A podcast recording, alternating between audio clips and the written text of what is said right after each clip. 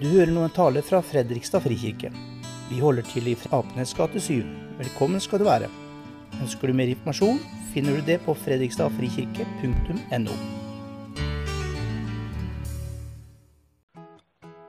Blir det en aldri så liten skillingsvise?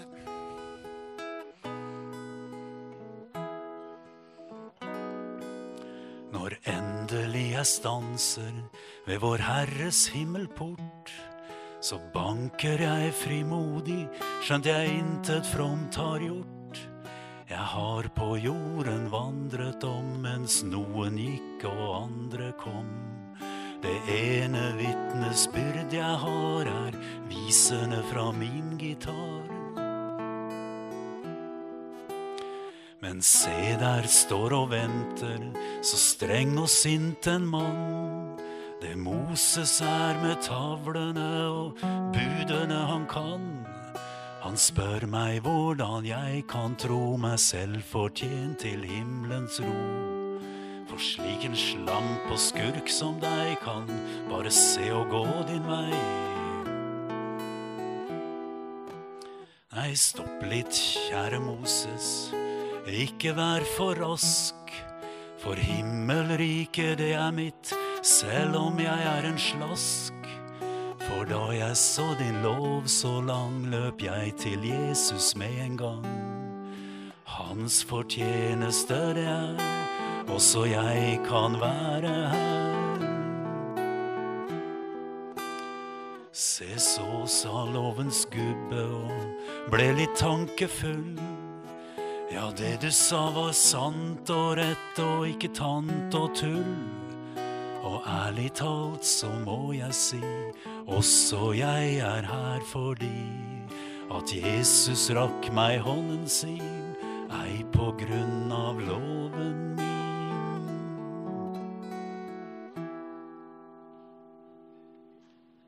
Lovens gubbe, en uh, skillingsvise som uh, gir et litt både humoristisk og alvorlig kanskje innledning til et tema som kan jo synes ganske bekymringsfullt. Jeg kan skjønne det. Eh, Johanne burde vel alltid være bekymret når jeg skal preke her, men det er en annen sak. Um, men et veldig reelt uh, spørsmål som mange har, er jo hvordan er nå dette forholdet mellom Det gamle testamentet Det nye testamentet? Et gudsbilde som vi møter i Det gamle testamentet, som kan noen ganger være ganske skremmende. Og så lurer vi på hvilken gud forholder vi oss til? Hvordan er egentlig Gud? Og vi er ikke de første som har stilt det spørsmålet. Det spørsmålet har man stilt helt fra kirkens første tid.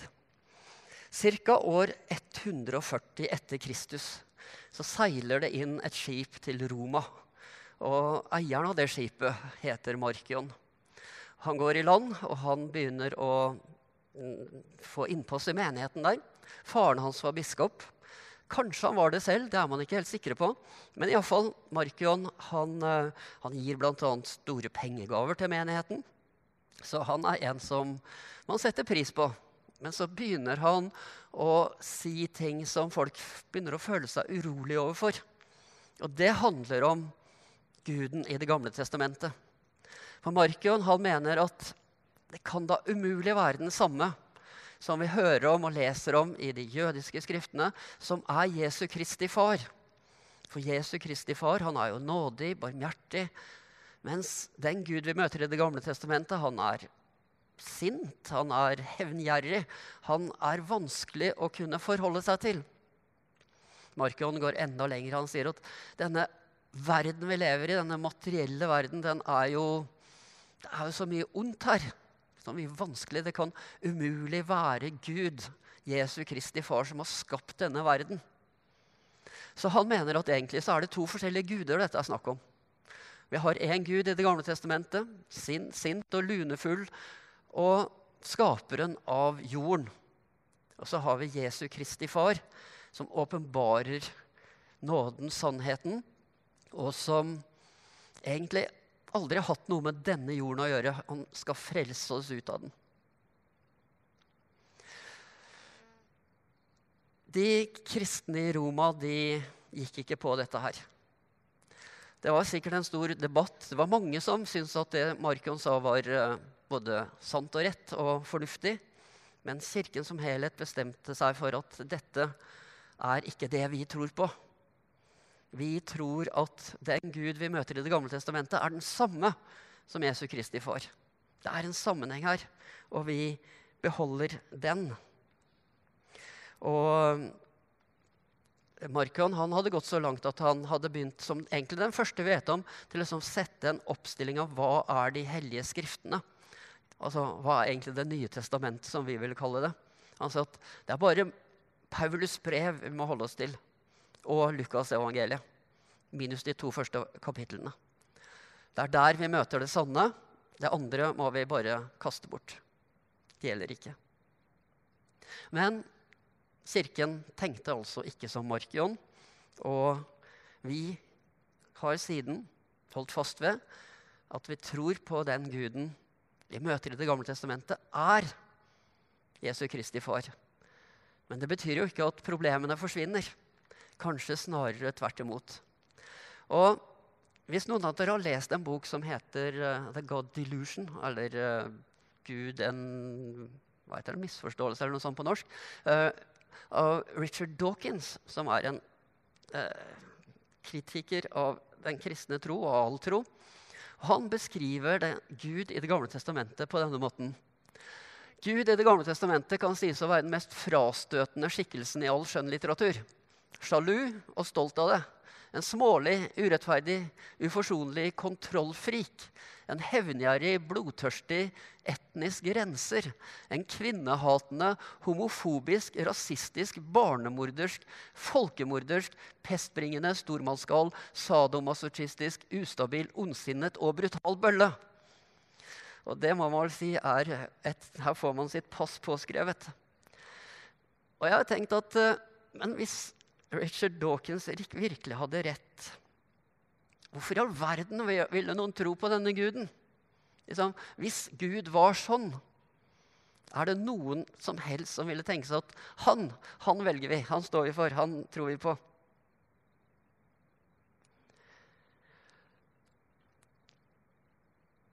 Jeg tror ingen ville gjort det. Men uh, det finnes selvfølgelig elementer i Det gamle testamentet som på mange måter ser ut til å bygge opp om det som Richard Dawkins sier. F.eks. noen av de historiene som vi forteller på, på søndagsskolen, Barnas åpent hus og sånn, typiske søndagsskolehistorier, de har jo ofte en bakside som man kanskje ikke snakker om, men som jo er ganske forferdelige. Tenk f.eks. historien om Noahs ark. Hvordan Gud lar Noah bygge denne arken og redder disse, eh, disse få menneskene, åtte stykker, Eh, og lar jorden gå videre. Men drukner jo alle andre. Lar alle urettferdige drukne. Historien om Sodoma og Gomorra. De som eh, nok fortjente både det ene og det andre etter hva de hadde gjort. Men når Lot og familien hans flykter ut av byen mens ild og svovel regner ned fra himmelen over dem, så snur altså Lots hustru seg og bare for å se seg tilbake. Hun blir gjort til en saltstøtte umiddelbart. Man må vel si at det er en ganske streng straff for å kaste et blikk bak seg. Eller sånn som i kampen om Jeriko, en av de mest maleriske scenene i Det gamle testamentet, der man går rundt byen sju ganger og blåser i horn, og, og, og, og murene raser sammen. Men baksiden ved det er jo at man, man slakter jo ned alle i denne byen. Ja, det kan virke som om Gud selv sier det i første Samuels bok. Spar ingen. Eller dette er en annen anledning litt senere, i samme liksom, erobringstokt, når man erobrer eh, Kanan by for by. Spar ingen. Drep menn og kvinner, småbarn og spedbarn. Okser og sauer, kameler og esler. Og jeg kan tenke, Tror vi på en gud som egentlig står for etnisk rensing? Altså hele denne historien, spesielt i denne dommertiden, i, i, i, i første kongetiden og sånn Hvordan er Gud sånn? Er det denne guden vi tror på? Hvordan får vi han til å henge sammen med Jesu Kristi far, som kommer med nåde og sannhet? Han virker, virker som han er lettkrenka og bråsint. Han eh, reagerer eh, raskt på ting som han ikke liker. Tenk dere f.eks. en historie som nærmest er som en liten eh, parentes i Det gamle testamentet. Historien om da Elisha, etter at han har vært i Jeriko og gjort kilden der ren. Så går han og så møter han på noen barn som roper eh, 'Flintskalle, flintskalle!' Og Elisha han forbanner barna, og det kommer med en gang to bjørner ut av skogen og dreper 42 barn. Er det sånn Gud er? Er det Gud som oppfører seg på den måten? Er han bråsint? Blir han krenka av hva som helst? Og det er i grunnen mange eksempler som kunne trekkes fram fra Det gamle testamentet, som eh, kunne underbygge egentlig hver eneste en av de påstandene som Dawkins kommer med. Men igjen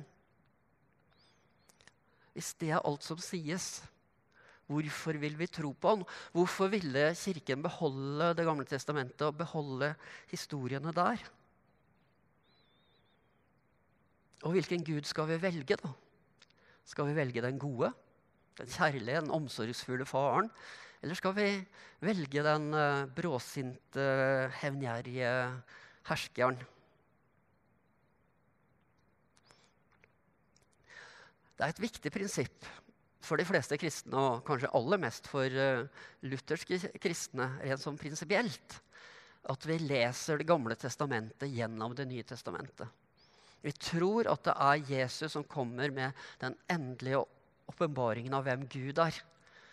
Uh, og Det gamle testamentet er en foreløpig åpenbaring. Det er som du er i et mørkt rom og du tenner et lys og du prøver å se rundt deg, og så tenner du kanskje ett lys til og så ser du litt klarere. Men man ser ikke klart i Det gamle testamentet. Man ser ikke klart. Jesus kommer og forteller eh, hvem Gud er. Vi har allerede hørt denne teksten om Jesus. Av hans fylde har vi fått nåde over nåde. For loven ble gitt ved Moses, nåden og sannheten kom ved Jesus Kristus. Ingen har noen gang sett Gud, men den enbårne som er Gud, og som er i fars favn, han har vist oss hvem han er denne sangen vi innleda med, den hadde en, noe av denne spenningen mellom Moses og Jesus. Og her har vi altså utsagnet om at ingen har noen gang sett Gud. Men det er Jesus som har vist oss hvem Gud er, og hvordan Gud er. Det vil si, det bildet Jesus gir oss av Gud, er det sanne og ekte bildet av Gud. Og det bildet av Gud må korrigere alle andre bilder av Gud, også de vi finner i Det gamle testamentet. Vi må rett og slett vurdere alt der i lys av åpenbaringen i Det nye testamentet. Og noe i Det gamle testamentet det relativiseres i Det nye testamentet. Noe omtolkes, og noe avvises helt. Hvis noen av dere har lyst til å høre mer forresten om uh, hvordan kristne i de første århundre leste Det gamle testamentet, så kan dere gjerne komme 11.11. Da har jeg en, eh, en sånn eh, undervisningskveld her igjen. Og da kommer det til å være noe av temaet. Men hvis dere ser noen eksempler her Offertjenesten i Det gamle testamentet så var jo det noe man skulle gjøre for å gjøre Guds vilje. Mens i Det nye testamentet så sies det at der det er tilgivelse for syndene, trengs det ikke lenger noe offer for synd. Så hele offertjenesten den tar de jo bort. Den, den har de ikke bruk for lenger. Sabbaten Sabbaten ble til for mennesket, ikke mennesket for sabbaten, sier Jesus. Og de kristne de slutta å feire sabbaten. Isteden begynte de å feire Jesu oppstandelsesdag. Oppstandelsesdagen er jo søndagen. Regler for mat. Du finner masse av dem i Det gamle testamentet. Hva man kan spise og ikke spise. Som jødene følger i dag. Som man på mange måter finner hos muslimene i dag. i det samme. Men all mat er ren, slås det fast i Markus 7, 19. Og de kristne de slutta å bry seg om hva de kunne spise og ikke spise favoriseringen av ett folk, som er veldig tydelig i Det gamle testamentet. Israel er Guds folk. Men i Romerne 2,11 så sier Paulus at Gud gjør ikke forskjell på folk. Og Vi hørte også lest fra Galaterbrevet dette om at det er ikke jøde eller greker. Det er ikke slave eller fri, det er ikke mann og kvinne. Dere er alle ett i Kristus. Så dette også settes det en strek over fra Det gamle testamentet. Tempelet, som man skulle tjene Gud og tilbe Gud i, og ikke noe annet sted enn tempelet er det viktig i Det gamle testamentet at det skal skje. Og Jesus sier, når han snakker med den samaritanske kvinnen med brønnen Den time kommer da det verken på dette fjellet eller i Jerusalem dere skal tilbe Far. Man skal tilbe i ånd og sannhet, sier han. Og da er det samme hvor det skjer. Og Vi må ta mange flere eksempler på hvordan de kristne på en måte bare skyver veldig mye av det som står i Det gamle testamentet, til side. Vi kan tenke på ting som omskjærelsen, som var det viktige tegnet for at man tilhørte gudsfolket i den gamle pakt. Det tok man bare vekt. Og så sa man at nå er det dåpen som gjelder. Mange hellighetsregler, hvem man kunne røre, hvem man ikke kunne røre, når man var ren og uren. Jesus bryter det fullstendig. Han rører ved de urene. Han, han bryr seg ikke om hellighetsreglene. De første kristne de trodde ikke lenger på en gud som krevde offer, som ga så detaljerte regler for alt man skulle gjøre i livet, for mat og dager. De trengte ikke templer, og de gjorde ikke forskjell på folk. Og med en gang man sier det så, og kaster det lyset bakover i Det gamle testamentet, så tegnes det jo et annet bilde av også de tekstene der Gud tolkes nettopp som en som står for alt dette. Jeg kommer litt tilbake til det.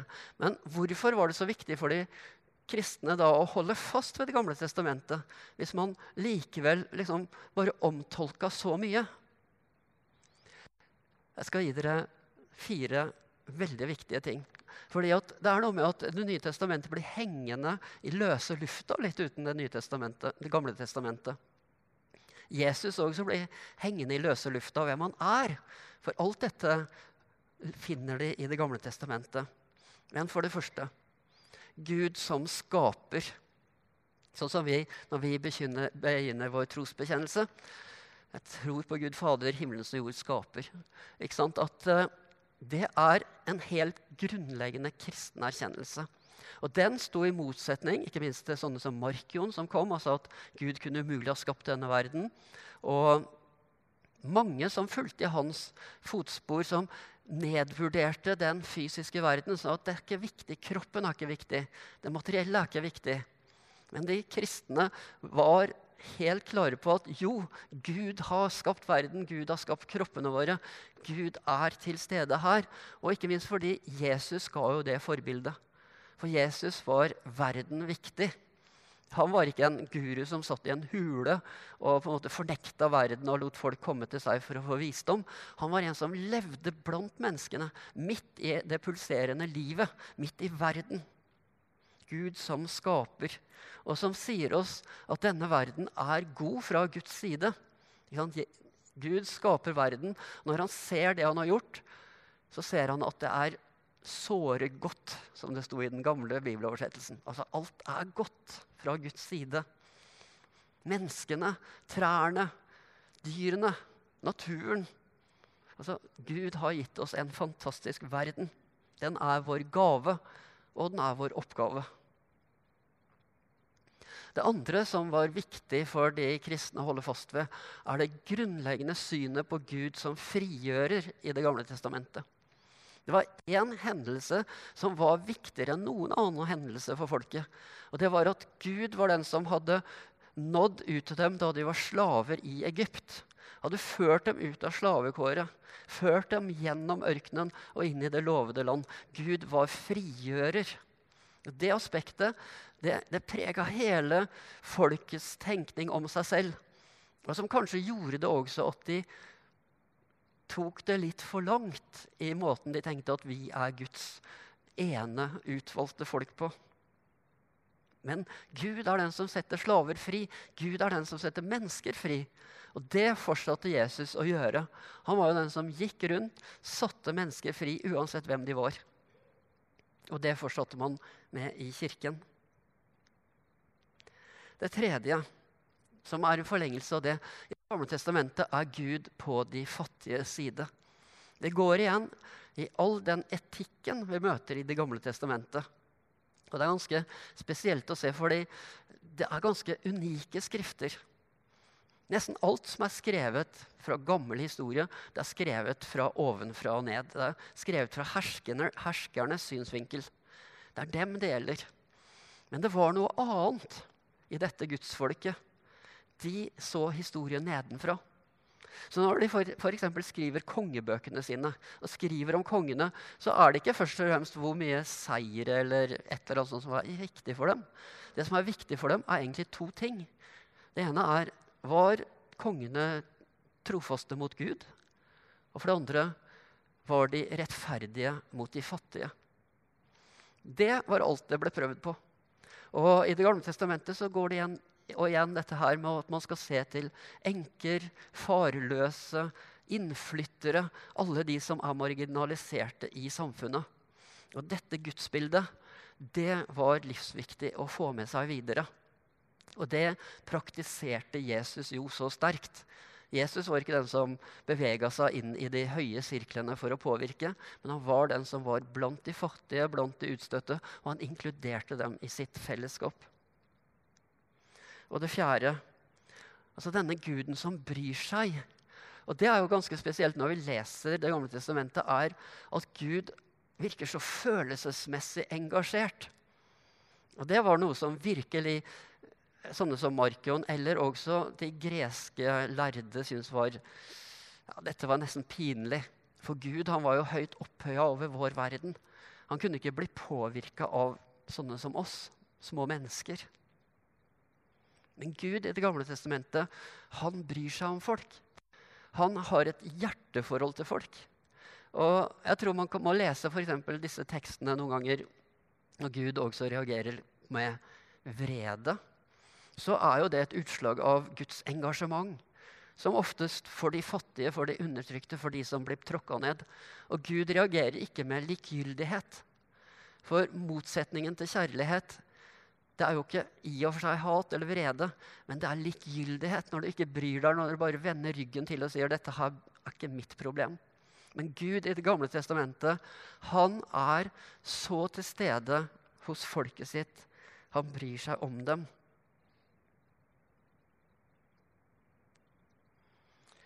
Og alt dette viderefører Jesus. Dette viser Jesus at dette er min far som dere har møtt. Og så er det jo sånn i Det gamle testamentet at, at dette bildet også noen ganger blir fordreid. Fordi det er en foreløpig åpenbaring. Folk kjenner egentlig ikke Gud.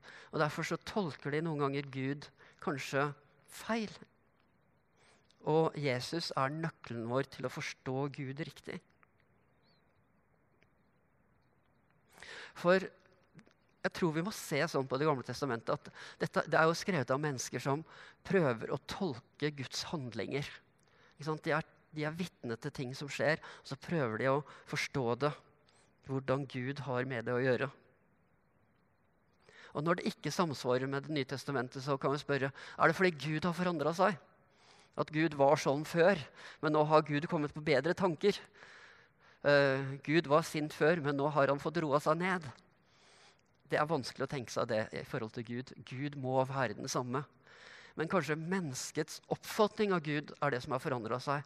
At man har sett klarere og klarere hvordan Gud virkelig er. Og Jesus korrigerer bildet for oss. Gir oss noen briller som gjør at vi ser klart. Som gjør at vi kanskje kan se i det hele tatt, noen av oss. Og det er jo sånn Mye av Det gamle testamentet det fant formen sin i Babylon. Eh, mye på en måte falt på plass der. Og det vil si, når jødene var i eksil etter at landet deres var lagt i ruiner og Jerusalem var ødelagt, og de sto der uten noe tempel, uten noe hjemland, uten noe å holde seg til, men de hadde skriftene sine, de hadde fortellingene sine, og de, mye ble skrevet ned og ordna der. Og i den situasjonen så er det opplagt at for dem så var det viktig for deres egen eksistens å beskrive Gud som sterk, en sterk krigsgud. En Gud som og uansett var på deres side. En Gud som var mot de andre folkene. En Gud som brydde seg bare om dem. Og så blir det det som egentlig blir deres overlevelsesstrategi. Den, dette gudsbildet. Og det virka. De klarte seg på en helt utrolig måte. Klarte dette folk seg gjennom alt. For de trodde så sterkt på denne guden som hadde et helt spesielt hjerte for dem, og som var denne krigsguden. Sterke guden. Han var ikke en svak gud, selv om de var et svakt og lite folk. Kanskje trenger ikke vi det på samme måten. Vi trenger ikke en krigsgud lenger. Kanskje vi er redd for en krigsgud. Men vi trenger Jesus. Vi trenger han som viste oss nåden og sannheten. Han som ikke kom med loven og Moses, men som kommer og møter oss og sier at alle får komme til meg. Vær den som strever. Uansett hvor du kommer fra, uansett bakgrunnen din, så er du velkommen til det nye fellesskapet. Kirkens fellesskap, mitt fellesskap. Og viser oss faren som elsker alle. Dette bildet av far som står der på taket sitt og speider etter sønnen som har blitt borte, det er jo det sterkeste bildet av hvordan Gud er i Det nye testamentet, kanskje av alle bilder. Han som møter den som har svikta på alle må måter, med en åpen favn når vi kommer tilbake. Han som er full av nåde og sannhet. Og Derfor så er det jo Jesus, eh, Jesus som er det store vendepunktet. Det er han vi tror på. Det er han vi tror også har vist oss det sanne og hele og virkelige bildet av Gud. Og så har vi med oss Det gamle testamentet, for uten det så så henger ikke historien sammen. Men samtidig så kaster Jesus lys bakover i Det gamle testamentet og viser oss på en måte en riktig måte å kunne lese det og tolke det på. Det er eh, ennå en stund til jul, men Tom skal synge en julesang for oss nå. Og det er kanskje jeg tenker Når vi hører en julesang altså Nå har de jo begynt å vise julefilmer på TV og sånn allerede. og er, dette er ikke fordi at vi tar jula på forskudd, men kanskje teksten blir enda tydeligere for oss når vi tar den ut av uh, julekonteksten og tenker oss at den handler om det som Jesus kom til for oss, som er helt unikt. Jeg snubla omkring i svarteste natta. Da tente du stjerna med lys ifra deg. Jeg følte meg ensom, tom og forlatt da du viste du tenkte på meg. Jeg hutra og frøys da du ga meg din varme. Så vel at jorda var naken og kald. Du lengta til meg, og du sendte meg barnet. Viste meg vei til en stall himmel på jord, nåde så stor.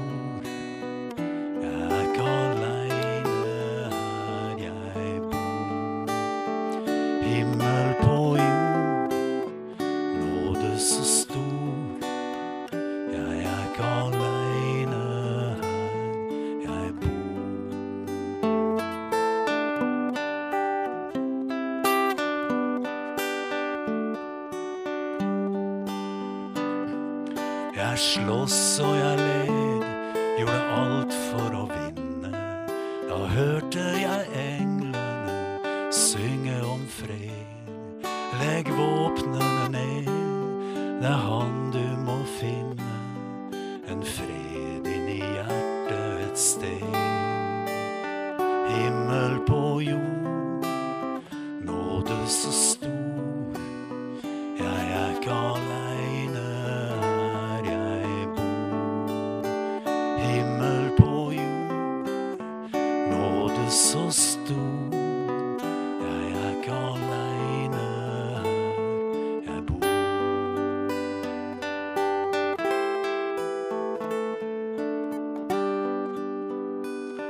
Hver gang jeg ser opp mot en himmel, så veit jeg undrenes under er det som har hendt.